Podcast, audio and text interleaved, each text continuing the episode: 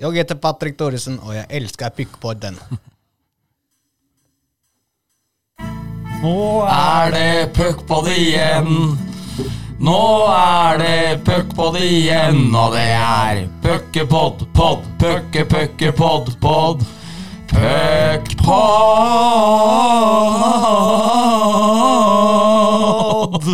Og Petter skjærer grimaser. Det er, det er tegn på at det er bra intro. Det blir Altså, det er bare én ekstra her i dag mot hva vi pleier, men eh, det blir litt ekstra varmt. Ja, det var- altså, Kjenner litt sånn tegn på usikkerhet under armene. Enig. Det der var ikke behagelig. Det var ikke bra, men takk for eh, bidrag i introen, eh, Patrick. Det setter vi pris på. Var gøy å kunne steppe inn for uh, Mikka Rantanen. Det er samme kaliber, er det ikke det? På dere to? Han, han gjør det mye bedre. Har har ikke han levert noe jævlig i år? Ja, det bringer meg jo til første punkt, faktisk, eh, Bendik. Ja. Eh, Og det er om du har sett noe NHL i det siste. Det er jeg sikker på at Petter er spent på. Jeg har ikke sett én match i år, så der tok Petter faktisk helt riktig. Ja, Han har vært bra. Ja, han har vært bra. Du kan, du kan gi den. Ja. En av de bedre. ja. Nei, jeg skjønte det. Jeg sklei det ut her med en gang, men velkommen, og takk for at dere vil komme, gutter. Det setter vi veldig pris på. Det er jo det årlige besøket Det det. til- fra Patrick, nå har vi fått med Petter òg, så det er, det er stort. Bendik. Ja, Vi topper laget nå. Vi, vi liker å ha Patrick her inn mot playoff, men det har jo ikke vært eh, Det var jo ikke vært playoff alle åra heller, så Nei, det er stort at Patrick eh, velsigner oss med sitt nærvær i februar-mars-draget der. Det setter vi stor pris på. Er det femte gang Patrick er her, tror jeg? Ja, det er vel Og den første gangen, da var vi så fugleunger at det var så dårlig at det kan nesten ikke regnes med. Så det er nesten så vi kan si at det er fjerde gang da. Ja, og da ble vi stramma opp etter noter òg. Ja, det Delte ut kaktuser på løpende bånd, tror jeg var uh, overskrifta. stemmer. Dere har hatt eh, veldig mye gode gjester, det må jeg si. Det, turen inn til Oslo og med Stoltvang og Bondsaksen og ja, eh, uten å glemme noen. Blakeren, ikke minst. Det har vært masse, masse bra krydder, så at jeg skulle bli glemt en sesong, det hadde jeg ikke tatt så tungt. Fordi dere klarer å finne andre gode gjester òg. Jo, takk. Det er eh, hyggelig å høre. Jeg har, jeg har en ørliten en på Blakeren. Eh, jeg har sagt det tidligere. Det er jo den tidlige demensen som jeg er livredd for. Men eh, jeg skulle i hvert fall finne Nord etter en match dere hadde spilt. Eh, og så gikk jeg inn mot styrkerommet, for jeg hørte han var der. Og så møtte jeg Markus Stensrud, som da hadde sittet på benken. Og så spør jeg har du sett Nord her. Nei, men jeg så Blakeren på tribuna i stad. Han hadde helt stjerne, hadde helt stjerner i øya. Jeg sitter og fulgte med på Blakeren. Han er legende, ass. Så, så jeg har skjønt at Blakeren er stor for guttene, så det er hyggelig å høre. Ja, Blakeren har jo kjørt en sånn eh, ringegreie på meg òg, vet du. Som eh, du kjørte en gang. Og som jeg har gjort på, på Bendik eh, for noen helger sia. Og da eh, ringte meg klokka kvart på ett på en eh, onsdag, tror jeg. Da satt han nede på O'Learys og tok noe øl her på Hamar. Spurte om jeg kunne, ville komme ned Kom på et. på, på et par øl. Og så jeg, nei, jeg, gått og, jeg skrev jo dagen etter da, at jeg, jeg gikk og la meg klokka halv elleve i går. Ja. Så, men neste gang du er oppover, så får du si fra litt før, så skal vi gå ut og ta en, ta en kald en sammen. Ja, 12.45 natt til onsdag, det er, ikke, det er ikke tiden å ringe på meg. Nei, passa litt dårlig. Ja, det er, eh, det er sterk planlegging av Blakeren. Fikk vel, eh, fikk vel for seg eh, det der, så da er det lov å prøve seg, tenker jeg. Det er rett.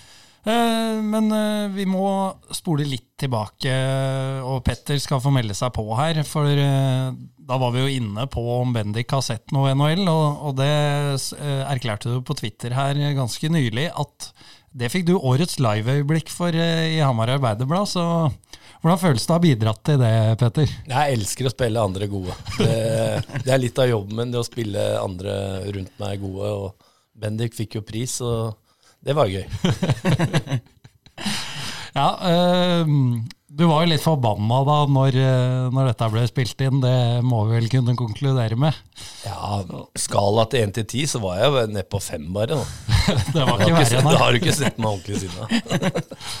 Nei, eh, men eh, hva tenkte du når du Gikk du inn med en innstilling at Eriksen skulle tas, eller eh, Nei, men jeg var jo, jeg var jo litt forberedt på keepersnakk og sånn, da. Så jeg var jo litt forberedt, og så var jeg offensiv da jeg først begynte. Ja, det, er- det er lov, det. Og det bringer meg til neste punkt. Vi skal snakke mye om serien og, og hvordan sesongen har vært. Men eh, Nå ser det ut til at det blir eh, i beste fall andreplass, med mindre Stavanger eh, roter bort noen poeng. Det har vi ingen tro på. Er det katastrofe å bli nummer to, eh, Petter? Nei, vi skal kjempe hardt for å bli nummer to, vi. Katastrofe, det er noe helt annet her i verden. Så eh, vi er jo Vi må gjøre mye bra, vi, for å bli nummer to. Så det er målet vårt nå. Og går de på en smell, Stavanger, så gjør de det. Men det har jeg ikke noe tro på, jeg heller. Bendik, eh, blir det andreplass? Du som er eh, Nå har vi jo kaptein og trener her, men det er du som er hockeyeksperten. Og, og orakel. Eh, men ja, jeg tror det blir andreplass. Det er vel Sparta-Vålinga i morgen, er det ikke da? Så det er jo stor sannsynlighet for at eller, altså, En av dem vil jo på en måte bli hengt av der. og Dersom Vålinga avgir poeng, så har råd til å tape etter fulltid på lørdag og vinne mot Frisk og likevel bli nummer to. Så det er vel alt tyder vel på at Sramar dårligst blir nummer to nå. Da tror jeg det blir litt uh, Mjøsderby i kvarten, så det hadde vært veldig, veldig fett. Eh, vi må snakke litt om sesongen, som jeg nevnte. Det har vært noe, en litt trøblete start. eh, Litt utskiftninger av, av eh, spillere. Hvordan har det vært, eh, Patrick? Nei, at det kommer spillere, og at det er noen som må gå, det, det er ikke noe unormalt for, eh, for meg, i hvert fall. Eh, Det har jeg sett stort sett gjennom hele karrieren. Um, Men eh, det kan jo hende det er guffen for eh, mange andre, som, eh, som kanskje ikke har levd det profflivet. For det er jo en sånn hverdagen er egentlig ute i, i, i profflivet. Eh, At eh, hvis man ikke leverer eh, det som er forventa av deg, så, så finner vi noen erstattere. Og det har Storhamar gjort i år. og det er klart at eh, det har kanskje blitt litt flere enn eh, man hadde planlagt fra, fra starten av. Eh, men sånn er businessen, og skal man henge med i toppen, så, så var vi helt avhengig av at det skulle skje en forandring, og, og det har vi fått. Og vi har sett nå, i hvert fall etter, etter jul, at vi har klart å stabilisert oss mye bedre i den defensive halvdelen av banen. Og vi er sterkere defensivt, og det gir oss en mulighet til å vinne hver match. og og Det tror jeg er nøkkelen for å, for å gå langt.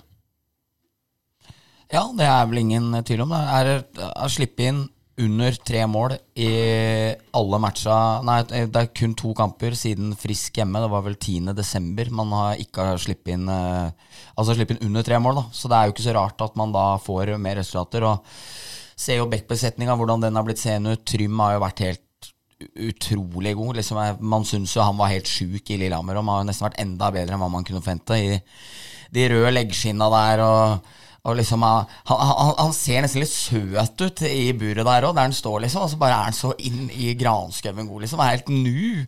Men eh, nei, nei, det er nei, helt rå. Patrick og gutta har steppa opp. Nord er jo endelig den spilleren han var på i Lillehammer, eller på Tampen, og kommet seg etter alle ting som har skjedd med han. så Nei, og Pistol Pete på bortre der i nå er 44% siste, nei 41 eller hva det har, siste ti matcher i Powerplay. Så alle statistikker tyder jo på at det er jo et lag i ordentlig fremmarsj. Så hvis ikke det her blir eh, Hvis det ikke blir gull og grønne løvbærkranser her, så veit jeg ikke, Johansen. Nei, Petter, du har jo jobba med dette laget, som, eh, som vi nevner. Det har jo kommet inn noen forsterkninger eh, underveis. Hvor tett har du vært på prosessen med, med de som har kommet inn, og, og ikke minst også de som har måttet forlate skuta? Nei, altså jeg har jo det siste ordet i den kabalen som skal gå opp. Og sportslig utvalg gjør jo jobben og, og konfererer med meg. Og vi er veldig enige om da ting skal skje, så gjør dem jobben. Og så tar jeg imot eventuelt nye spillere og prøver å få dem så godt som mulig inn i, i laget. Ekstremt viktig med, med Trym inn der når, det, når man sitter med fasiten opp på keepersida, eller? Ja, absolutt. Eh, det er som Bendik sier, han har eh, kommet til Hamar og tatt Hamar litt med storm. Og eh, han har eh, gjort noen sånne redninger for oss eh, i, i viktige tidspunkter av kamper som har gjort at vi har klart å bikke dem i vår favør. Og det er jo helt avgjørende for, eh, for at vi skal kunne nå de måla vi ønsker. Syns det er veldig taktisk fint grep av Storhamar å hente de to spillere fra Lillehammer og skal ha dem her i to år. Det er ikke bare kortsiktig tankegang bak det, det er langsiktig tankegang. og syns jeg var et uh, veldig bra grep de gjorde da. Selv om det kosta penger, så noen ganger så må du investere for å få gevinsten litt seinere. Helt klart. Og så må vi ta med da på, på tampen når det gjelder eh, spillerlogistikken. Eh, fantastisk for oss som har et lite hjerte i Furuset der, Bendik, at eh, Haugum nå blir henta inn. Blitt nummer fem i førstedivisjon, og så kanskje det blir gullfest i våren, og så er det tilbake til ulva til høsten igjen. Ja, det er magisk. Ja, det er jo helt nydelig å hente noen uh, ulver der. Nå er, det, er vel ti år siden uh, jeg hamra inn fem-fire mål oppe i Narvik der foran 1300 tilskuere, så nå var, det på, nå var det på tide at, uh, nå var det på tide at noen uh, Furuset-gutter kom til Hamar igjen. Så det er veldig, veldig bra. Ja, for Vi må ta med det i beregninga at Storhamar var ganske mye dårligere når vi var i Furuset. Ja. Og det var ganske mye lenger unna at de drev og henta inn folk derfra. Ja, det var langt unna. Det, altså det, da tror jeg nesten heller at sportslig utvalg og sånn har spilt sjøl, så det, det var veldig, veldig langt unna. Tatt en HamKam-variant der, med Ja. spillerutviklere inn i Men det er det veldig nærtagende for, at, uh, så det må vi ikke si noe om. At, må ikke si noe om at de har drevet og brukt fysioen sin og sånn, det må vi ikke si noe om, for det er veldig nærtagende. For de har ikke fotballakademi, dem kanskje? HamKam? Nei, det var, det var ansatt sju-åtte trenere eller et eller annet sånt på det der, men det har ikke, har ikke akademi ennå. Men eh, det, det kan vi ikke spøke med. Så får vi heller blåse opp kinna, sånn som Otto Jespersen sa, hvis du husker det i Torsdagsklubben for mange år siden, når de ikke skulle tulle om det der påståtte pillemisbruket til Kjell Magne Bondevik. Når de skulle snakke om han, så måtte de heller blåse opp kinna, husker du det? Så vi får gjøre det, vi får gjøre det samme her. Vi får gjøre det. Eh, Jeg har fått et lite mysterium på trappene som, eh, som dere kanskje kan hjelpe meg med, gutter. Vi er litt usikre på om det er en, et morsomt pek fra Stensrud mot eh, junioren Jonas eh, Brustad, eller om det er reelt. Men han var veldig fortvila oppe eh, i hallen her i, i forrige uke, tror jeg det var. Eh, Jonas Brustad, altså. For han eh, hadde blitt tilbudt noe penger for å hente mora til dama til Kindle på Gardermoen. Og dette var det Stensrud som trakk i tråda med å skaffe sjåfør. Eh, Jeg konkluderte ganske kjapt med at eh, nå driver Stensrud og drar deg i beinet, Brustad, så dette må ikke finne på å møte opp på Gardermoen. og stå der uten, eh, uten at det er noen å hente, så han droppa det. Men nå er jo mora til fru Kindle observert på matcher, så var det noe i det? Var det sant? Ja, ja. Det var Altså, hun, moren til Kindle, hadde vært her på Hamar en periode. Og så skulle hun tilbake til, eh, til Tsjekkia. Så, og så var det sånn at vi skulle dra på trening eh, dagen etter, og når flyet hennes skulle gå, så vi trengte noen til å kjøre henne inn til Gardermoen. Og da spurte jeg Markus om han kjente noen. Eh, og da, da sa Markus at eh, ja, men Brustad kan vel sikkert kjøre. og, så, og så endte det opp med at eh, eh, eller altså Cubs, da, Kindle, skulle kjøre sjøl, da. Så kom den bare fem minutter for seint til oppmøtet. Så det løste seg sånn. Og da, men eh, det var noen uh, muligheter for å tjene en uh, 500-lapp eller noe sånt nå, så jeg kan tenke meg at uh, hvis det Brustad var klar for å dra inn noen kroner. Ja, fikk eh, lyst på penga der, altså, men eh, da er det kanskje jeg som må vippse han de kronene, siden jeg sa at det var kødd. Ja, det, det, det syns jeg du skal gjøre. ja. Eh, Litt om Brustad her. Han var jo med dere og trente i landslagspausa. Prøvde å ta ut Berglund for å sikre seg en, eh, en plass på laget. Hva tenker du om det, Petter? Ja, først og fremst er det faktisk litt eh, moro å få med Vi var mange juniorer som var med. og det er klart De henger litt etter, men de gjør også en stor tjeneste med å Vi har fullt lag, og vi kan trene bra. Og Brustad var en av dem som klarer seg bra. Spilte i rekke med Patrick og mata han med pasninger. Så, eh, så hadde han et eh, uheldig med et skudd, så traff han eh, Berglund i, i ankelen. Og da var han virkelig lei seg, liksom. Men alle så at dette kommer til å gå over ganske fort, da, men han var bekymra. Ja, og Han var ganske stressa dagen etter når du hadde skrevet at, eh, at Berglund ikke var på is. Og jeg, og jeg visste jo ikke at det var derfor engang. Så Han bomma jo med mål på to meter, da. Det var jo sånn, det var jo ordentlig skeibom. Ja, vi Jeg syns det er iskaldt å begynne å sette skudd i ankla på, på import. Da. Det er, eh, Brustad skal ha det, det er er, er det lillebroren til Tobias, eller? Nei, Nei. det er det ikke. Nei.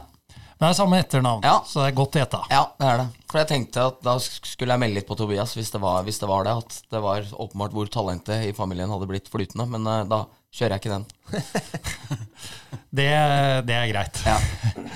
uh, vi har fått inn et innspill på Twitter, gutter. Uh, eller det er for så vidt ikke et spørsmål heller, men uh, sto bare litt om populariteten til dere to i, i Sør-Vest, altså i Stavanger. Den er litt forskjellig.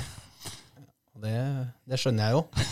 Han har jo han har jo skapa et hockeymekka i Stavanger og vunnet seks ganger. Fem eller seks? Seks, ja. Seks ganger, ja. Så, og jeg har stort sett kommet hit for å krangle. Eh, så at, den blir, eh, at det er en forskjell på, på det, det, det har jeg en god stor forstå, forstå, forståelse for. Så det blir ikke et siste år av karrieren i Oilers-trøya. Nei, det er nok en av de få klubbene jeg ikke hadde gått til eh, helt på tampen. Men, ja, ja, sorry, vær så god, men, men, sorry men, eh, men hva er det med hva er liksom, eh, hva, Jeg skjønner jo at Stavanger er jo toppkampene, og det er jo liksom men det er blitt så mange situasjoner med deg og dem. Da liksom den krysstaklinga, eller da du tok litt hevn igjen på Lagassé der, når du og Steffen fikk matchstraff. Eh, Kissel hjemme her. Eh, var det bare bråk en gang i fjor der. Eh, det, er- det, er, det er liksom et eller annet med deg og Stavanger. Hva, hva er det som gjør at, det, at du ofte havner i søkelyset der? Nei, det er jo, det er jo litt at eh, det, tennes jo litt ekstra til i de toppkampene mot kanskje spesielt Stavanger og Vålerenga. Og så er det jo et jævla sterkt lag, så du kommer dit, og du har det ofte tøft med å vinne der nede. Eh, også på hjemmebane for, i og for seg. Så eh, eh, det er vel ofte de gangene man kanskje har, er på vei til å tape kamper, da det renner litt over. Og hvis det hvis du føler kanskje at en dommeravgjørelse går mot deg, eller et eller annet, så er det litt lettere at ting koker over. Og em, det har det gjort noen ganger, dessverre. Men uh, for vår del. For det er jo bedre at jeg er på isen enn at jeg sitter i utvisningsboksen og blir kasta ut av, av kampen. Så, men um, ja, det er vel egentlig det. Er det litt rart for deg, Petter, med tanke på å være så populær og stor der sjøl, og samtidig kjenne på at sønnen din, altså noe av det kjæreste du har, ikke er like populær der? Det er ganske langt ifra òg. Er Jeg skjønner den tegninga der, og samtidig Det er ikke bare stygge episoder, men de er livredde for. Ja. For at den skal være god. Han pleier å være god i de Ja. toppkampene. Så, så henger de seg på de episodene hvor han senker folk eller et eller annet. Da, for dem detter jo hvis han bestemmer seg for å ta dem. Mm. Så det er nok en blanding av eh, episoder som har skjedd, men samtidig så at de er redd for at den skal dominere for mye. Eh, Hvordan var det for deg når, eh, når du var landslagssjef og, og du så Patrick og til dels også Steffen eh, holde på der borte? For det er vel det vi må kalle det, Bendik. Holde på i DNB. Det har vært noen store scener der. Eh, Da bare sitter jeg og nyter og, og, og ser på match, og ja, ser at jeg har to sønner som er ganske aktive med å prøve å ta ut Oilers. Ja. Så mer enn det er ikke liksom det De er klare for kamp, for å si det sånn. Jeg har en morsom historie fra når Steffen var her, når vi hadde den eh, incidensen med Børlon, var han Børlon. Mm. Da, jeg husker ikke om Steffen ble sendt av isen, og så kom jeg meg unna i første omgang, men det var en lørdagskamp i hvert fall. Riktig, ja. Og så hadde vi noen fridager, så vi gikk ut som lag etter, etter kampen for å slappe av, ta noen, eh, ta noen sosialpils sammen. Og så havna vi på et sted, og der var det en stor Stavanger-kar. Altså Han må ha vært 1,95 høy og svær som en okse. Så kom han bort til, til meg, og så står jeg ved siden av Steffen og sier han, Jævla stygg den er, Nå er ikke jeg bra på st- Stavanger, men jævla stygg den taklinga du hadde, Thoresen, sa han til meg. Så var det Ja, det er jeg helt enig i. Den var litt over grensa, så jeg, det må jeg bare beklage. Beklager du det? Ja, jeg syns det var over grensa, så der var jeg heldig. Tre øl! Tre øl! så, så, da var det ja, Så han var egentlig jævla fornøyd da, med at man bare la seg flat og Ja. si at man kunne Han trodde jeg sikkert jeg skulle forsvare meg sjøl. Ja. At liksom at eh, det var helt greit og ditt og datt. Men eh, jeg vet jo sjøl når man på en måte går litt over grensa, og man kan legge seg flat etterpå og si at det, er, eh, det var ikke så bra. Men jeg fikk jo en tre-fire halvliter av han etterpå, så og slo han prat med da, han var en hyggelig kar, så det ble, det ble ikke noe bråk. Det ble jo bare et hyggelig prat. Stemmer det. Jeg husker Du fikk fire kamper faktisk for den mens vi var i Trinert. Så kom da, For du kom vel inn på han Burland fra sida av sloen med den hansken du holder kølla i øverst. Ja, Fra litt det, ble, blindside der. Ja. var, det var ikke helt bra. Og. Steffen Spieran eller et eller annet. Så, det, han kom med de så guttene var aktive der. Det var, det var stort. Og seier og lørdagsmatch. Det er sånn det skal være. Men eh, det er vel, vil jo anta han hadde sikkert bra supporterbriller på. og eh, Vi har jo snakka mye om Tommy og hatt den som gjest et par ganger også. Eh, det er jo litt samme med deg, Patrick. Du, som Petter sier, du er klar for kamp, og så er det jo ganske annerledes når man møter deg i en annen setting. Så ålreit for han å få oppleve det, vil jeg tro. Ja, og, det, og sånn er det jo med, med Tommy og når han farter rundt i Norgesland. Han er jo, han har jo på en måte elska sin egen og, og måtte deg litt av sine motstandere. Men han er jo på en måte litt elska av, av motstanderfans nå. For altså, han er jo en real type både på og utenfor også. Og, ja, det er litt sånn, eh, sånn jeg ønsker å framstå, at man skal ikke bli godt likt på bortebane. Man skal, eh, skal pipres litt, og det skal være litt, litt som skjer. Men opplever dere ofte at folk har eh, på en måte det, det forespeilet at dere er liksom bare sånn som dere er på isen alltid? Nei, ikke jeg i hvert fall. Jeg eh, tror folk eh, som møter på meg, oppfatter meg som en ganske ålreit type. Ja. Petter skulle få Ingen, ingen turte å si noe. Petter skulle få svare på det òg, hvis jeg tolka deg Ja, ja, riktig. det Nå er jo ikke du på isen eh, lenger, men eh, det er, jo, det er jo muligheter for å se at eh, du har puls på litt over 75 du òg, under en match. Ja, derfor er jeg glad for at jeg er så veldig godt trent, for da takler jeg den høye pulsen. Nei, men jeg er nok het da jeg er rundt isen og, og boksen, men jeg er nok en rolig, rolig, sindig kar som bestefar og far og stort sett, da. Eh, tør å si fra da jeg er utafor isen òg, men eh, da er jeg lugn og, og avslappa.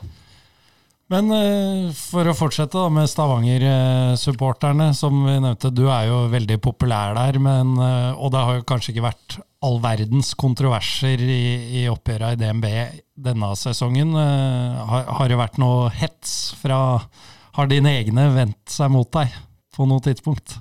Nei, de har ikke det i det hele tatt, som jeg har observert iallfall. De, eh, de kjenner historien sin, de er stolt av historien sin, og jeg var en av dem som lagde historien deres, så det setter de pris på. Det kan hende det blir annerledes hvis vi tar på oss gullhjelma i DNB utover. Men det vil tiden vise. Vi har en vei å gå til å klare det, men eh, det kan vi klare. Ja, for vi skal kikke litt i glasskula, Bendik. Eh, Vi er vel relativt enige. Nå blir Stavanger MS, blir Storhamar-Lillehammer, og så blir Vålerenga Frisk og Sparta Stjernen. Ja, det er vel stort sett. Eller Stjernen Sparta, alt ettersom. Og da har vi tre lag klink til semi. Mm, Det er Stavanger, Storhamar og Vålerenga. mm. Og Stavanger velger den som vinner av Sparta og Stjernen. Ja. Så blir Storhamar og Vålerenga i semi, ja.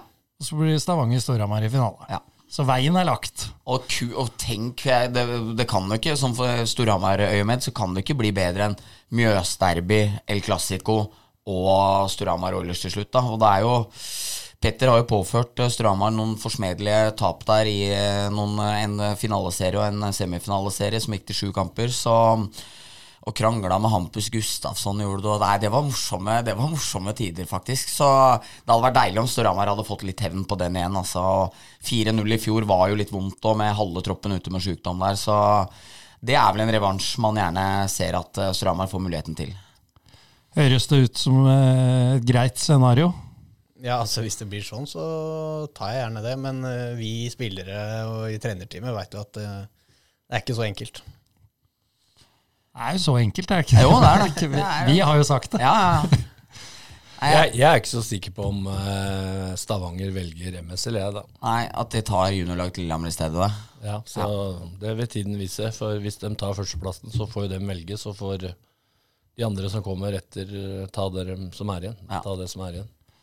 Det er sant. Jeg har bare litt sånn inntrykk av eh, at Stavanger de er så gentlemen at de ikke vil påføre Lillehammer den flyreisa. For MS trakk jo i brekket litt før og kvitta seg med importa før det var krise. Ja, Ja, det at- er, en, eh, er en, eh, sikkert en god teori, teori, det. Men først og fremst så skal de også gå videre. Så eh, de gjør jo sikkert det uansett hvem de velger. Men eh, ja, det blir spennende å se. Ja.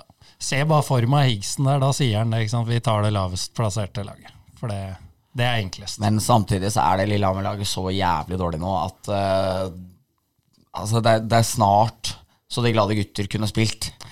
Så da er, da er det liksom eh, De er så svake, men jeg skjønner det. Det er 14 mil fra Gardermoen kontra 4. Da. Det, er, eh, det er litt forskjell sånne type ting. Om det gidder på en måte å ta bryet med å gjøre reisen sin lenger. Og når det er fort å kjøre inn til garasjen der. Men eh, MS er jo betydelig bedre enn eh, hva Lillehammer er akkurat nå.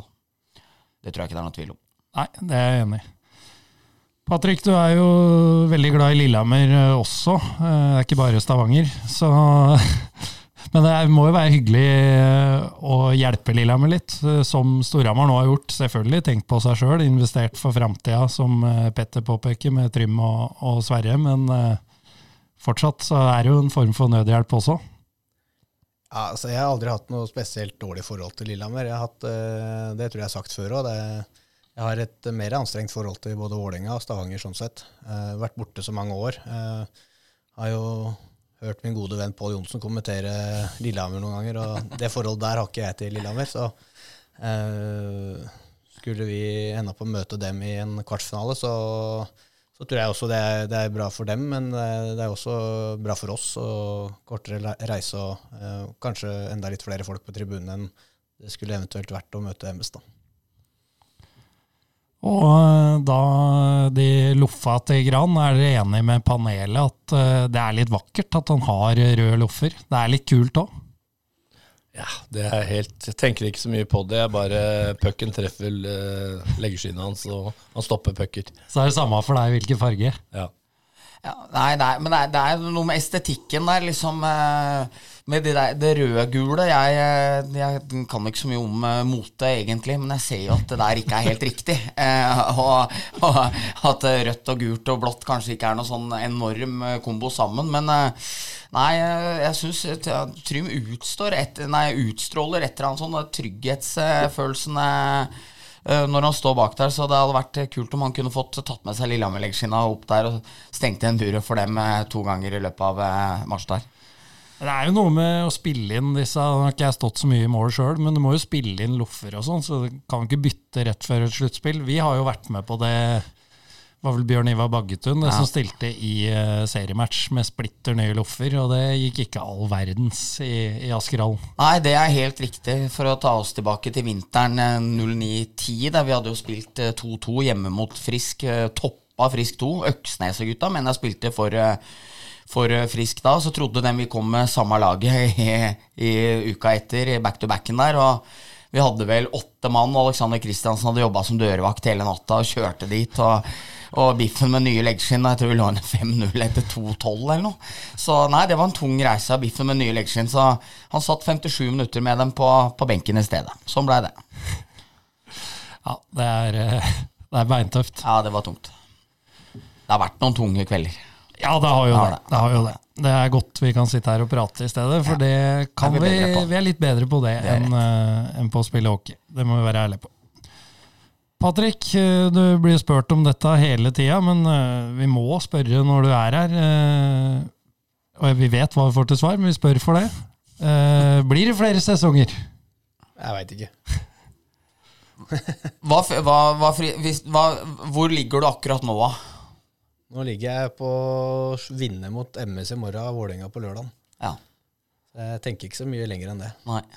Kanskje jeg må hjem og brette klær etter dette her, men jeg holder, jeg holder det ganske sånn time for time. Ja. Nei, men Det høres bra ut, det. Er, eh, er det liksom, hva, hva tenker du å gjøre når karrieren er over, da?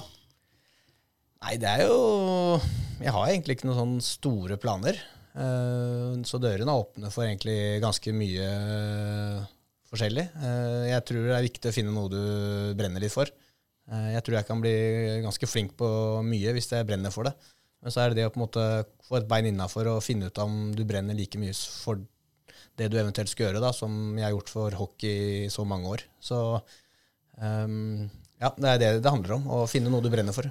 Tror du at du fort vil gå inn i en garderobe og ta en rolle som trener eller assistent eller sportssjef eller noe sånn, eller vil du på en måte absorbere det litt og komme deg litt unna først? Jeg tror det kan være lurt å få det litt på avstand òg, men uh, samtidig, treneryrket er et uh, tøft yrke. Jeg tror ikke du kan uh, være på ett og samme sted i 20 år, liksom. så man kunne sikkert begynt i Storhamar, men da må du være villig til å kanskje flytte på deg etter hvert. og jeg vet ikke om jeg er så villig til å gjøre det, da, når man allerede har vært ute og reist i 20 år alt. Og jeg har en kone som også har lyst til å satse på sin karriere, som har satt livet sitt på vent i i 15 år. Så det, det er litt mer enn bare meg sjøl jeg skal ta hensyn til. Så vi får se egentlig om, eh, eh ja, om det et, om det er treneryrke eller, um, eller rett og slett bare jobbe med ungdommer. da. Uh, U18-landslager og, og, sånne ting der man kanskje ikke er så mye borte, borte da, men der man kan følge opp spillere her hjemlandet. Da. Så det kan være et alternativ, selvfølgelig. Ja, det skjønner jeg. Åssen var det for deg, Petter, når du gikk Du gikk vel nærmest fra Eller du gikk jo fra spillegarderoben til eh, å bytte en vegg bak og bli trener i stedet. Hva er liksom den største Det er et litt dumt spørsmål, for jeg skjønner at det er en stor forskjell, men hva er liksom den største forskjellen når du da går fra å være en av gutta til å på en måte bli sjefen for dem? Det er en veldig stor overgang. Du, du tror jo treneren bare har den lappen med treninga og sånn, men det er mye som eh, foregår oppi hodet på en trener, da, som uh, spillere kanskje slipper å tenke på. Og, og, ja, det var jo en veldig stor overgang, men samtidig så var jeg var jeg lysten på da det først dukka opp, da, at liksom jeg så at karrieren var på hell, og jeg hadde jo passion for hockey. og som gutta sa i garderoben da jeg spurte dem om det var greit om jeg kunne ta over som trener, så sa de det er samme om du kjefter når du har på deg drakt eller når du ikke har på deg Så dem var jeg veldig forberedt på hva de skulle få. Så, men det var, eh, det var, en stor utfordring, og det var uh, veldig gøy å, gøy å ta fatt på den karrieren. Kan du ta oss litt gjennom prosessen der, eh, for dette var vel i forbindelse med at Flygis hamra løs på Jordal? Ja, vi hadde jo vunnet for første gang året eller sesongen før, da. Og, og vi blei jo egentlig Vi blei litt høye og mørke og takla ikke helt å vinne. Og starta sesongen etter på litt ja, litt lavgir, syns jeg. Jeg merka det allerede på sommertreninga. Og ikke minst faktisk Sjøberg var Likte jo det å være i å vinne for første gang på Storhamar. Så vi, vi, sleit jo i starten, og, og, så kokte det over. Og da liksom skjønte vi at uh, nå får vi en ny trener. Så, og da hadde jeg faktisk uh, allerede da tenkt kanskje jeg, jeg sto og murte ei pipe opp uh, rett overfor fengselet der sammen med Sjur Rakstad. Rakstad var nede i huset og ordna noen rør. og da Vi var sammen akkurat da telefonen ringte, så så jeg det var Storhamar-kontor. Så sa jeg nå skal hun spørre om jeg skal bli trener. Da skjønner de at de ikke savner meg på isen lenger. Altså. så jeg var egentlig litt sånn mentalt forberedt på det, og kjente at det trigga meg litt at det kunne skje, skje da. Men også, Hvordan er det sånn i forhold til lagkampen? lagkamp? For da, Du har jo sittet i garderoben sjøl og sittet og f.eks. prata litt dritt om treneren, eller sånne ting, og så vet du at nå er du den som på en måte dem prater om òg. Hvordan er den omstillinga der? Nei, Det har jeg aldri brydd meg noe helt om. Nei. Jeg, jeg hele tida bare vært opptatt av at uh, jeg skal være så rettferdig som mulig og stå på mine, mine ting som jeg liksom kjemper for og tror er best for laget. Så Uh, liksom aldri hatt noen søvnproblemer eller noe sånt for at uh, jeg har noen agendaer utenom at laget skal gjøre det så godt som mulig. Så det er jeg glad for at jeg lærte meg helt fra første stund liksom at jeg må gå for det jeg føler for sjøl, og selvfølgelig lytte til assistenter og, og dem rundt meg. Men det å, å, tenke på lagets beste hele tida, det, det, kommer du langt med som trener. Og ikke, ikke liksom først og fremst tenke på enkeltindivider. Du må tenke på laget. Mm. Han bekrefta at han sover godt. Mamma sier det, at det durer bra. Men det, det, virker det som at du gjør òg, for jeg ser på det derre ti spørsmåla på Instagram hvem vil man ikke dele rom med, så er det mange som svarer deg pga. Uh, mye snorking. Det er, det er et familiefenomen her. Det er det. det er, uh, vi sover tungt begge to. Så Salsten, som jeg delte rommet her uh, i Stavanger uh, en gang, han uh, måtte gå ned i lobbyen klokka halv to og hente sånn øreplugger. han fikk jo ikke sove, stakkar. Det kan faktisk bekreftes, for da, da satt fortsatt guttene nede og tok et par glass, og så kom Salsten ned og så bare 'Jeg må bare gjøre noe', liksom. du hadde stempla ut da og hadde fritid? Da hadde jeg fritid. Det er riktig. Det er bra. Eh, men jeg må spørre, Petter, eh, snakke litt om eh, hva som driver deg og sånn. Du har jo bytta litt beite. altså Ble trener i Storhamar, så var du vel i Vålerenga litt, tilbake til Storhamar, og så Stavanger osv. Har du vært avhengig av å på en måte jakte nye utfordringer? Har du, har du vært, kall det mett, da, på noen tidspunkter i, i trenerkarrieren? Nei, da hadde jeg ikke vært trener om jeg hadde vært mett. Jeg syns det er alltid nye utfordringer, om det er samme laget du trener, eller om det er en ny klubb der da sesongen er over, så er det blanke ark, og så går du på'n igjen. Og det, det, er det laget du trener der og da du har lyst til å ha gjøre så godt som mulig. da. Så, og den dagen du mister liksom den gnisten av å ikke liksom tenke resultater og utvikle laget, da, da kan du ikke være til stede. Jeg må være meg sjøl og være på. Uh, så Nei, jeg har aldri blitt sagt opp av en jobb, bank i bordet. Og aldri hatt noen agenter som leiter rundt etter jobb for meg, så det håper jeg ikke kommer til å skje før jeg takker for meg. Ja, øh, og da skal jeg omformulere litt. Da. Altså det jeg mente var sånn F.eks. når du gikk til Stavanger, da. Øh, var det en type utfordring du måtte ha da? For da hadde du vel ikke noe klubb Uh, jeg takka ikke... nei til Stavanger året før, faktisk. Ja. Da møtte jeg dem nede i Halifax, uh, Norge. Vi var der og skulle se Norge spille. Uh, da møtte jeg Stavanger Oilers, og da sa jeg nei takk til denne jobben. Jeg måtte tenke litt på det, for da hadde jeg akkurat begynt å mure igjen og de greiene der. Så, men det, ikke, tok ikke mange månedene før jeg var lysten på å dra dit.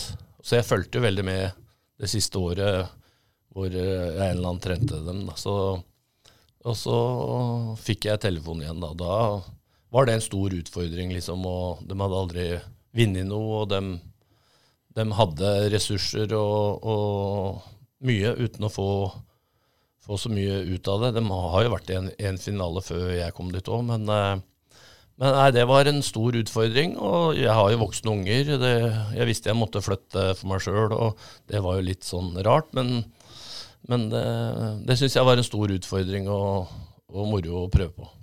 Knærne dine er vel ikke akkurat bygd for å mure lenger heller? Nei, så det er jo noe med det å gjøre. Altså, jeg elsker jo dette yrket eh, samtidig, da, men uh, helsa mi tilsier ikke at uh, jeg kan stå på knærne og nynne og legge fliser så mye heller. Hvor god Eh, hvor god trener følte du deg når eh, byggverket du hadde bygd i Stavanger, klappa sammen vel Det var vel første sesongen etter du ikke var der lenger? Vant første året med Pål, vel? Også... Ja, vant første året med Pål, ja. Men eh, det, så gikk det nedover. Kjente du eh, at det var du som mangla da i Stavanger, eller? Nei, jeg gjorde ikke det. Jeg unna jo Pål alt det beste. Mm. Pål sleit jo veldig mye fram til jul. De lå jo på sjette-sjuendeplass. Så henta de noen spillere. Og vi gjorde en suksess i, i, slutten av sesongen og finalespillet. Så nei, sånn har jeg aldri tenkt. Jeg unner jo dem unner jo dem, selv om ikke jeg var der, så unnte jeg dem suksess videre, liksom. Så, så, men uh, det var litt av en reise borti der, så den er jeg stolt av å ha vært med på. Så, men uh, men de, har jo ikke kjempeslitet. De kan ikke vinne hvert eneste år. Hva, hva, er det fineste å tenke på når du tenker på tiden din i Stavanger? Når, liksom, når, du ser tilbake på det? Hva er du mest stolt av at dere, du og dere fikk til? Nei, så vi har, vi har jo fått uh, en bra treningskultur der, blant annet. Uh, det var jo ved juletider første året mitt i 09 der uh, nærma oss 010 uh, da vi dro hjem til jul, så lå vi på sjette-sjuendeplass. Og jeg fikk jo ikke dette til der borte i det hele tatt i starten. Så Men jeg så jo at det var en gjeng med gutter som var virkelig villige til å betale den prisen. De søyt litt på at de trente litt mye og alt mulig, men, men eh, etter jul da så fikk vi et par spillere, og da bare gikk det én vei etter det. Så dem må, som jeg har sagt til deg her òg, folk må lære meg å kjenne at åssen leder jeg er. Og ikke til alt så bokstavelig hele tida, men uh, jeg setter jo krav til spillere uh, og til laget. Åssen det skal se ut på trening og eh, sånne ting. Og det kan være litt slitsomt for noen, og det må venne seg til det. liksom, For jeg gir meg ikke, for jeg vil jo at laget skal bli så godt som mulig, og individene skal bli så gode som mulig. Så det tar litt tid. eh, eh, men så blir de som oftest ganske gode til slutt, de laga jeg trener. Ja, enig. Og jeg husker at eh, en av greiene jeg beit meg merke i når du var der, var jo at f.eks. spillere som Sveum, uh, Grafsrønningen, Brandasu f.eks. Det var jo spillere jeg de var litt eldre enn meg. Jeg tenkte aldri jeg hadde potensial til å bli så bra. Men eh, du, er, du får jo til noe der òg, med å utvikle spillere òg, selv, eh, selv om du er en hard jævel òg, liksom. Det, det er litt kjærlighet i, ja, er, i kjeft og, og, og, og sette harde krav òg. Ja da, det er jo det. Jeg gikk veldig fint inn i gruppa. Jeg var treneren da jeg var på isen og, og forberedelse til kamp, men ellers så var jeg rundt dem hele tida, og de merka jo at jeg brydde meg om dem. Og det er jo viktig, liksom, at, eh, at, du, at du klarer å skille på tid du skal stramme til, og tid du skal være ja, opptatt av åssen det er med familien og unga og alt mulig. Liksom. Det er jo Trener må liksom bry seg om spillerne sine. Det er sant. Eh, hvor stor eh, Det er klart, du kjenner jo Petter naturlig nok ganske godt, eh, Patrick. Men eh, det må ha vært en stor overgang i, i Storhamar-laget fra, fra Jøse, som, som var trener forrige sesong. Ja, de er jo to forskjellige personligheter. Og jeg visste jo hva som kom inn i garderoben i år, så jeg har jo ledd litt for meg sjøl.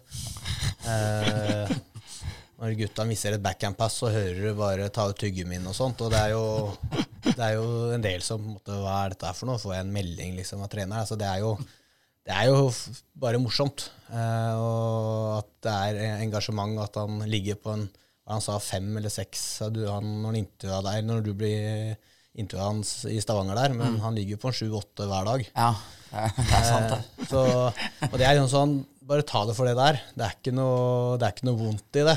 Eh, så, og sånn var jo ikke Jøse. Han var mer eh, rolig og sindig og tok praten kanskje ofte inn i garderoben eller én mot én etterpå eller noe sånt noe. Eh, nå er det litt mer at det blåses opp der og da, og så er det rett ned igjen, da. Og det, det tror jeg flere og flere har liksom lagt merke til, at det er ikke noe Man må ikke legge så mye inn i det som blir sagt hele tiden. For det, det er jo Det er ikke noe vondt ment med noen ting. Vi prøver bare å skjerpe til hvis det er mye dårlige pasninger eller hvis det er mye dårlig mottak. Så er det, da blir treninga dårlig.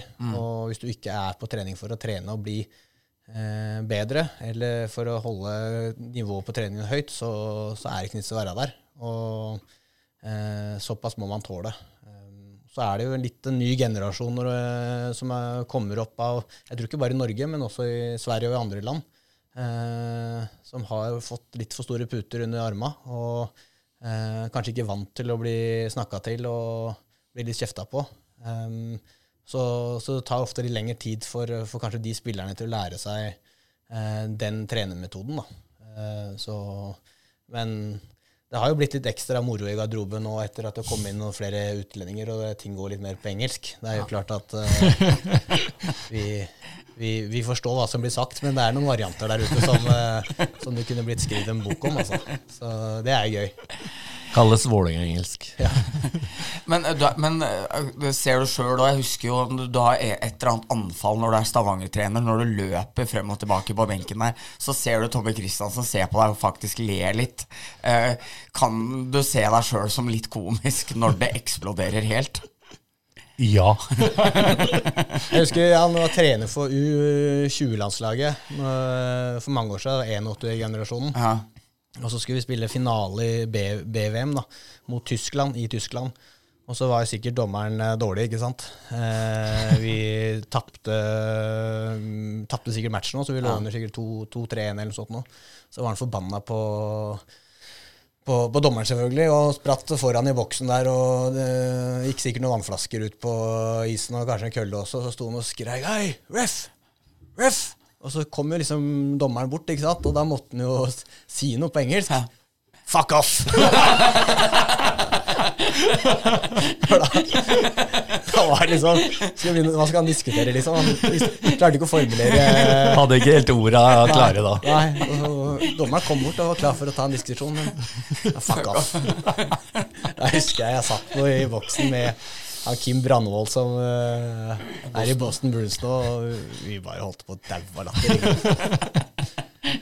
Ja, det er konstruktiv tilbakemelding til dommer der. Ja. Nei, vi hadde ikke så mye engelsk på murrelinja. Men uh, da kan vi jo Det er en stund tilbake jeg fikk et innspill. Uh, sønnen til Patrick, som er født i 2006, da en del av 06-laget, hvor du vikarierte som trener, Petter. Da var det barneidretten, så det var jo likhet, altså lik spilletid for eh, alle. Men Storhamar 06, eh, dette er på U12 eller U13, dem er under med ett mål. Og det er bare ett spillebytte igjen. Og Petter ser eh, til sin fortvilelse, for han er i Lørenhallen for å vinne, at det er tredjerekka som skal opp. og, og ønsker da å få innpå en fra førsterekka og gå bort til eh, han eh, sikkert senteren i tredjerekka. Er ikke, er ikke du skada? Nei, eh, jeg har det fint, jeg. Du, du har da vel litt vondt i armen, har du ikke? og, og prøvde å få med en matris også på at uh, tredjerekkesenteren han hadde noe vondt. et sted. Nei, han oppmann sto jo bak der og hadde full kontroll på bytta. Og da tenker jeg sånn, jeg visste jo om regelen, da tenkte jeg liksom hvis vi klarer uavgjort, så blir 25 mann glad. Hvis vi taper med det ene målet, så er 25 mann skuffa. Ja. Og det, jeg syns det er bedre å gjøre folk glad enn å gjøre dem skuffa. Så da var det én mann som kunne stå ved ett bytt, liksom, tenkte jeg da. Ja, det, var, det var gøy å ringe, snakke med sønnen min etterpå. Da vet du Bestefar prøvde å toppe han. Så eh, Petter, når du en dag eh, gir deg på, som trener på toppnivå, så blir det kanskje ikke et lag i barneidretten, eller? Nei, det, det veit jeg ikke, kanskje, men det, blir, det ligger mer nærme meg å være med på moraløp og altså, langløp på ski og sånt. Staketing tror jeg ligger nærmere. Ja, det høres ut som en god plan. Eh, vi får ta det på tampen av, eh, av eh, trenerpraten. Hvor lenge ser du for deg at du skal holde på? Du har jo ett år til i, i Storhamar, sånn på kort sikt, for å kalle det det. Men ja, hvor lenge tror du? Nei, jeg skal jo fullføre ett år til, helt sikkert. Og så får vi bare Må jeg kjenne på det, og Storhamar må kjenne på det, og begge parter må jo være enige om å gå videre. Så Men så lenge jeg syns det er gøy å gi meg mye og sånn, så syns jeg alderen eh, bryr meg ikke så mye om. Bare har ork og gnisten til å holde på. Så, så syns jeg dette er det beste man kan gjøre i arbeidslivet. Ja, Det høres bra ut, det. Eh, begynner å nærme seg spaltene. Har du en røver til oss i dag, eller? Nei, men jeg har, jeg har, For det har har vi fått innspill på. Ja da. At det er ønska. Det er ønska, ja. Eh, Det er jo hyggelig å høre. En kjent og kjær spalte. Men jeg prata jo med mm, Petters sønn og Patriks bror Steffen her forleden i forbindelse med hans eh, historiske 914. match. Og først av alt, eh, all kred til Steffen, en fantastisk spiller og person, for det han har fått til. Men eh, han ble helt vill i telefonen da jeg fortalte at det var far og sønn som skulle hit. Da, og da, da kom det historier på løpende bånd. Så han mente det at eh, da Patrick hadde vært oppe på hytta, eller da familien var på hytta til Patrick nå i, i landslagsoppholdet, så mente han at Patrick fikk ikke energi av det, fordi han var så stressa og livredd for de høye strømregningene. Så han mente Patrick var og fyrte hver halvtime gjennom hele natta, så han var livredd for at Patrick ikke fikk noe søvn oppå der. Er det korrekt? Det, så er, det er jo ikke noe strømstøtte oppe på hytta, vet du. Nei. Så han ringte meg på torsdagskvelden der, så sier han til meg Ta Sett på badstuen, da. Da var han litt nede i dalen, ikke sant. Da skulle han rett opp og kjøre badstue.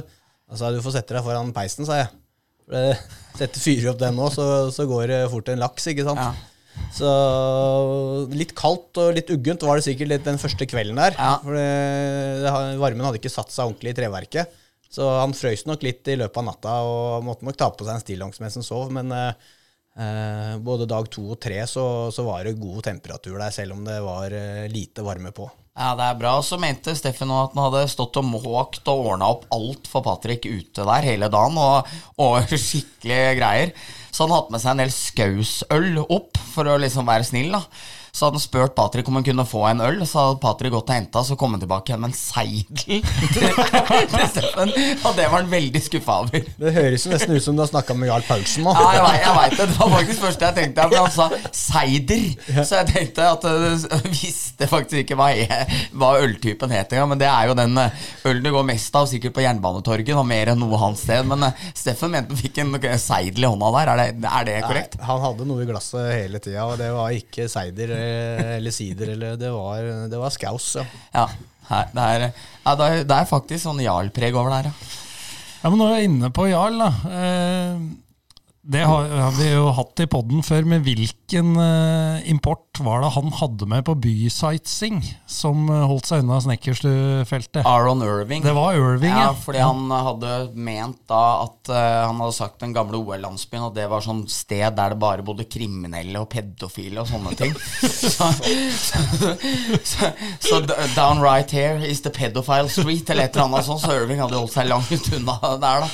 Så det ble, jeg tror ikke det blei noe mer sightseeing med Jarl. Etter at han skremte vekk folk med hva ting og tang var. Ja, for det var vel eh, Irving var vel ute og gikk med Joel Johansson, da. Ja. Eh, Når det begynte å dra seg mot playoff, og, og Joel skjærte ned mot Snekkerstufeltet. Eh, Hvor Irving da stoppa liksom Vi kan ikke gå hit. Her er det dritfarlig. Så det, det frøet hadde Jarl sådd ut på høsten en gang, og det varte helt til ja, februar. Det er kruttsterkt. Ja, den er sterk. Så det er, eh, det er meget bra levert. Ja, skal vi gå til spaltene da, Bendik? Det kan vi gjøre, min venn. Ja. Og da tar vi eh, starte med ros, kanskje? Eh, ja, det kan vi godt gjøre. Skal du begynne? Skal Vi, begynne? vi vi kan la gjestene få begynne. Ja, Patrick får begynne med å rose noen, da. Nei, jeg skal, det jeg skal rose i dag, er streaming sites, altså. Jeg er så fan av eh, Netflix og Viaplay og Disney Pluss og det som er. Jeg tror jeg har de fleste pakker. Jeg bruker litt tid foran TV nå. Eh, og det som på en måte engasjerer meg mest eh, hos, hos sånne streaming sites, det er jo, det er jo sportsdokumentarer. Å følge liksom dokumentarer på f.eks. Tom Brady, da. Høre liksom åssen dem tenker. Eh, Michael Jordan når han prater. Og så dukker det opp litt sånn sånne småting da, som du kanskje kjenner deg litt igjen i. Um, ikke at man er Tom Brady eller Michael Jordan, men du bare ting som dem gjør og gjorde som, som ledere, da, som på en måte man kjenner seg litt igjen i. Uh, så det er jævla kult å få en innsikt i, i dems verden. Uh, og det hadde man ikke fått hvis det ikke hadde vært disse her eh, streamingsidene. da, Så jeg gir en tommel opp jeg, til eh, Netflix og Viaplay og Disney pluss og you name it. Og så vil jeg bare skyte inn eh, helt på tampen her av blomsterbuketten eh, eh, til eh, Myhrvold og, og Ylve, som gjør en fantastisk Ja, eh, fantastisk show på, på 71 grader nord. Det er dritkult å følge med på dem. Og det er god, god hockeypromo for, for norsk ishockey, det, det må jeg si. Ja, nei, jeg er helt enig. Og Action Frank og leverer, altså. Det er, det er pissing, de to laga. Altså, jeg syns alltid det er kjedelig når kameraet følger Jegertvillingene og de to fra Sørlandet. Så jeg er helt enig. Det er, det er ordentlig krydder i toppen der. Det er morsomt med Marit Bjørgen som bare pang, pang, pang. eh, Skiskytter Marit Bjørgen. Det, de hadde ikke fått med seg hun på langrenn. Hun var, hun var skiskytter. Ja, jeg så det. Jeg syns jo det er helt konge òg. Men eh, der, eh, Ylven og Myhrvold Jeg la merke til at de andre laga de bytta jo. Skjøt jo fem skudd hver. Så der legger Myrra seg ned, bommer fem strake. Ylven løper. Og så, og så besluttes det at Myhrvold får fornya tillit på de neste fem. Og bommer fem blinker til. Ti runder på Ylven der, altså. Jeg tipper jo at uh, Ylven hadde så høy puls, og det er ikke noe vits at han legger seg ned. For Nei. det å skyte med høy puls, det er jo helt jævlig. Ja. Så, så det var kanskje det som var taktikken. Og Martin er jo jævlig bra trent, så han løper de rundene mye fortere enn hva, uh, hva Myhrvold har gjort. Og jeg tipper at Martin hadde bomma sikkert, han også. Så uh, dem kom nok vinnende ut av den, uh, den avgjørelsen der. Ja, ti runder blei det i hvert fall. Det blir ingen treff. Uh, ellers er det vel vanskelig å være uenig i at det er mye bra der ute på internett, uh, Bendik. Ja, det er, Så vi støtter, uh, Sterk golfdokumentar nå på, på, Netflix der, så kult å få se på innsiden av PGA og Liv og hele den greia der. Så nei, det tiltredes. Og det som også er kult, f.eks. Uh, Formel 1, da, som jeg alltid syns bilsport har vært det kjedeligste i verden. Men etter å ha sett på Drive to Survive, mm. ja, ta meg sjøl i å sitte på søndagene i sesong og se Formel 1. Man og det blir kult, for du har fått innblikk i, i hvordan førere er. Så meget bra der, altså. Petter, vær så god. Ja, blomsterkvasten min går til uh, Storhamar-supportere. Jeg syns de er helt enestående uh, flinke til å støtte oss på bortebane. Uh, selvfølgelig hjemmebane òg, men imponert over evnen og viljen de har til å komme og se på oss og hjelpe oss på bortebane. og Det setter vi veldig stor pris på. Så de får blomster av meg. Det er jeg helt enig i. Jeg skal gi min blomsterkvast til min kjære mor, jeg. Erik, som stiller opp så mye for meg og gjør at jeg har mulighet til å jobbe så mye og dekke Storhamar og alt mulig midt i et, eh, en litt vanskelig tid eh, for meg sjøl. Så stiller mora mi opp som et piska skinn og gjør ting og tang mulig for meg. Så, um, så kjære Kari Havdal skal få blomsterbukett av meg i dag. Kari Havdal, det er eh, godkvinne. Det er godkvinne. Meget snill meget dame. Snill, ja. ja. Trøn, bli trønder, det, det, settes pris på. Ja. ja. Og har jo sikkert opp gjennom uh, åra vært et bra motstykke til deg med sin positive tenkning når, uh, når du har vært sint, Bendik. Det er nok, For det har endt seg. Det er nok korrekt. det har vært artig å kjøpe noen liveblomster til, jeg òg. Ikke bare snakke om det på radioen. Ja, det er enig. Faktisk, det, skal, det skal, jeg, jeg skal faktisk gjøre. Det er, det er jeg enig i. Ta meg der, jeg er helt enig i det. Det skal jeg faktisk gjøre i dag. Bra, Bendik. Ja. Der, så skal jeg sende bildebevis til deg, sånn at det ikke virker som jeg skryter noe ekstra av deg. Bare sånn at du får det verifisert. Nå var det jo morsdag for ikke så lenge siden. Var det blommor da, eller? Ja da, ja. det var det. Jeg og søstera mi kjøpte eh, som vi spleisa på, så fikk levert eh, på døra der. Og så gjorde jobben da. Er, og så vippsa jeg penger til Camilla. Ja. For da hadde liksom gjort det Da var liksom alt Hun hadde ordna alt? Ja, da var liksom alt i orden. Da, da, da, var, da, tenkte jeg at det var jo også i orden. Så man må ta vare på viktige mødre i livet sitt. Helt enig. Det er, det er bra, Bendik. Da får jeg ta ansvar da, i blomsterkast til Steffen for uh, hans 914 uh, grunnseriekamper. Det var vel det det var, for det var uten sluttspill. Nei, det er, med. er det med. Nei, det er med. Nei, det kan det ikke være, for Paul har 960 med playoff i Storhamar. Ja, men, altså, det med, men, det er med kontinentalcup, det. Okay. Fordi står, ja. Jeg så Nikolaisen gikk ut med at Paul har rundt 50 kamper som ikke er serie eller playoff. Ja, med. Ja. Så det er hele smala. Jeg gir uansett uh, kvasten til Steffen, da. selv om det var litt dårlig faktasjekk i forkant der. Så det er imponerende. Uh, Steffen har jo sona noen matcher opp igjennom også, så det kunne vært enda flere. Men uh, det er det kanskje Thoresen-blodet som har sørga for at, uh, at, han ikke har nådd 1000 enda. Ja. Han, ja. Nå kjente jeg ble litt nervøs, for Petter så Nei, litt alvorlig ut der. Thoresen-blodet, det Da er det en stayer, og så må du kanskje sone noen kamper innimellom. Sånn er livet. Og det er ikke over, så det, det kan bli 1000. Det kan bli 1000, ja. ja. Imponerende er det uansett. Enig. Da skal det slaktes, og hvem er vel mer skikka til å starte slaktinga enn Patrick Thoresen? Nei, ingen. Det er ingen, nei. Nei, altså Det har jo det, Jeg vet jo at dere har jo hylla, hylla mine lagkamerater uh, for at de spiller så jævla bra musikk borti hallen. og Puckpod-sangen og sånne ting. Uh, jeg vil jo kaste han først og fremst, Martin Lundberg, under bussen. Ja. Han driver og håner eldre og spiller Ferjestad-låter på, på juniorkampene. Og det setter jo ikke jeg pris på.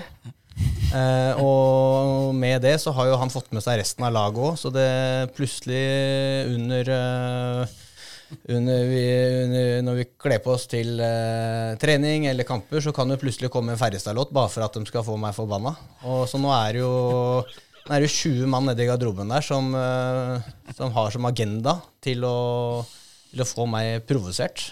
Uh, fordi det starta jo tidligere år med at det var Ferjestads hockeyskole på Hamar under en høstferie.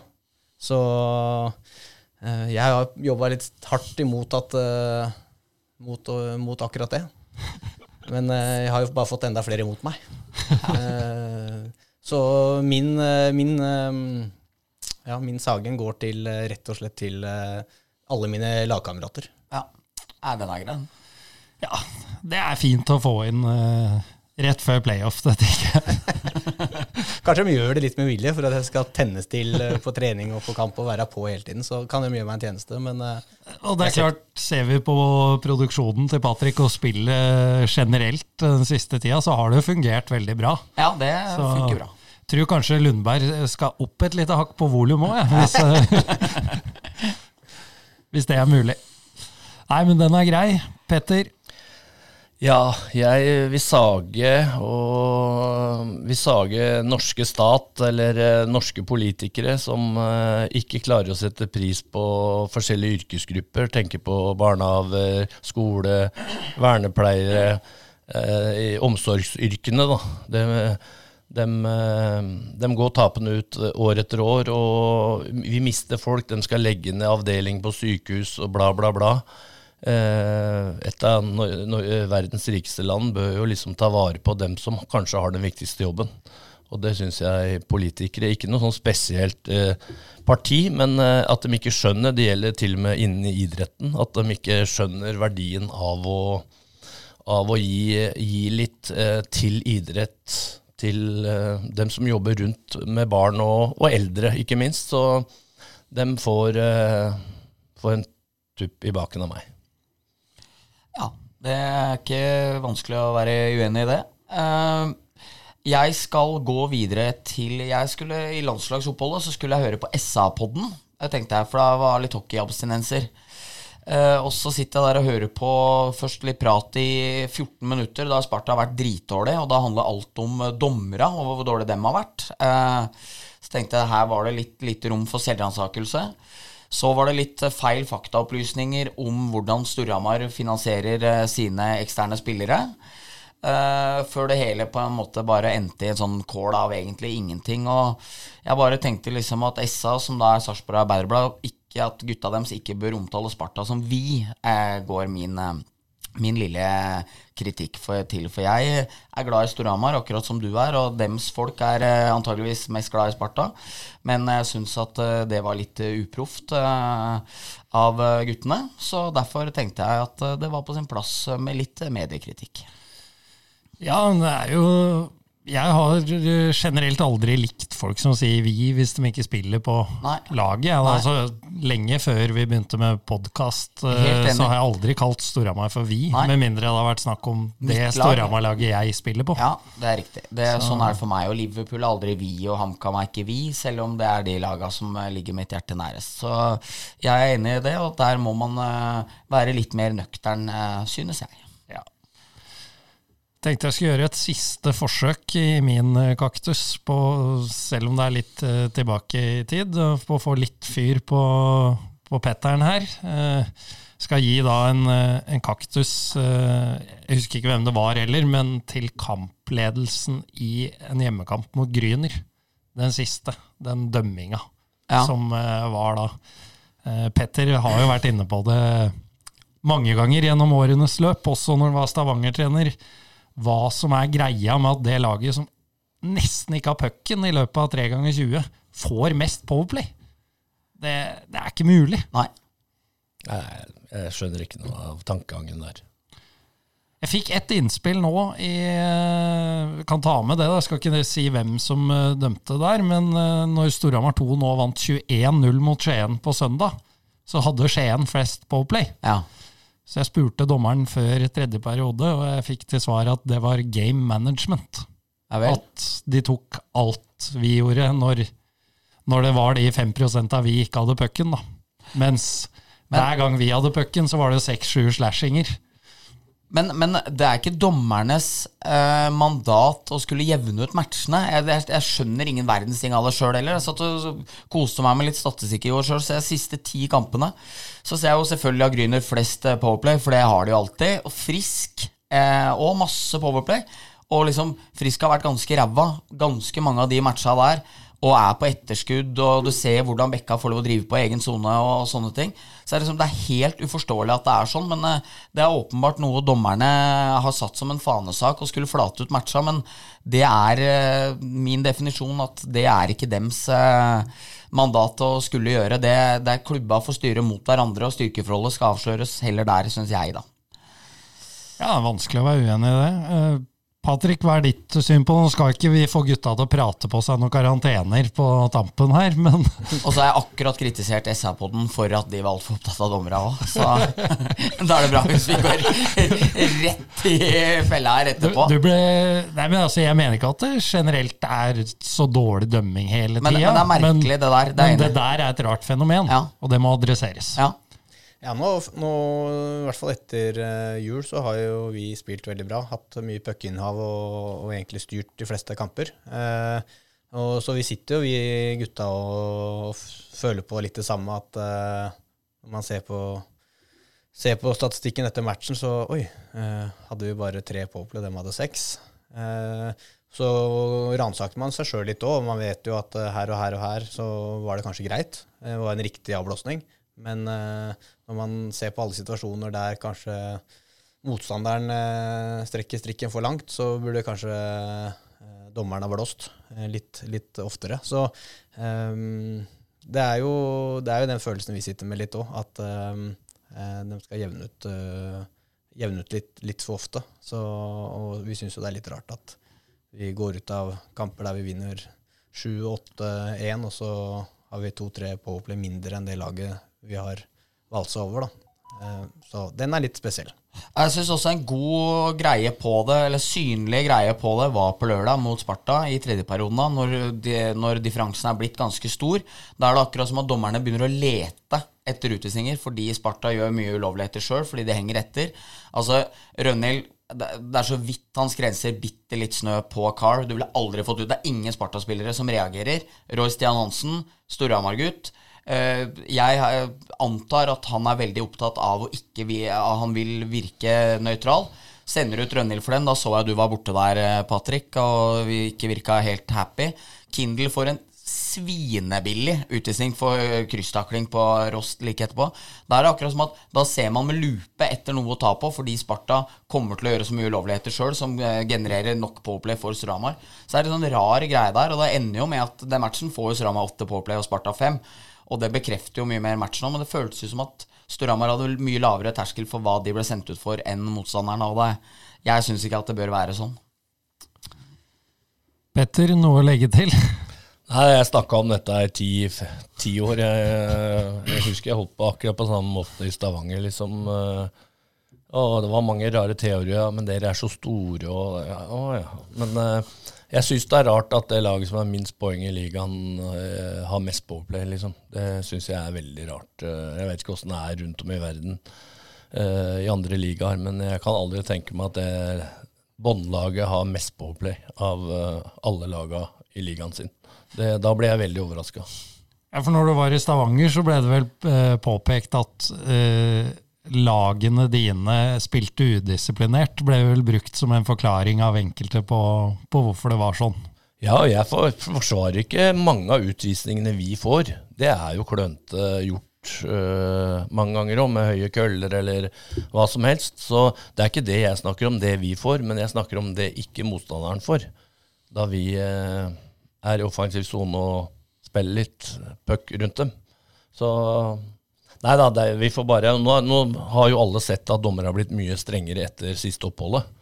Og det er jo bra, men det, det kunne de like godt begynt med eh, 6. august i treningskamper, så alle får trent på at det er strenge regler. For det er dem faktisk som er sjefa utpå der når det gjelder reg reglement. Og vi trenere og spillere vi må jo bare forholde oss til den linja de legger seg på.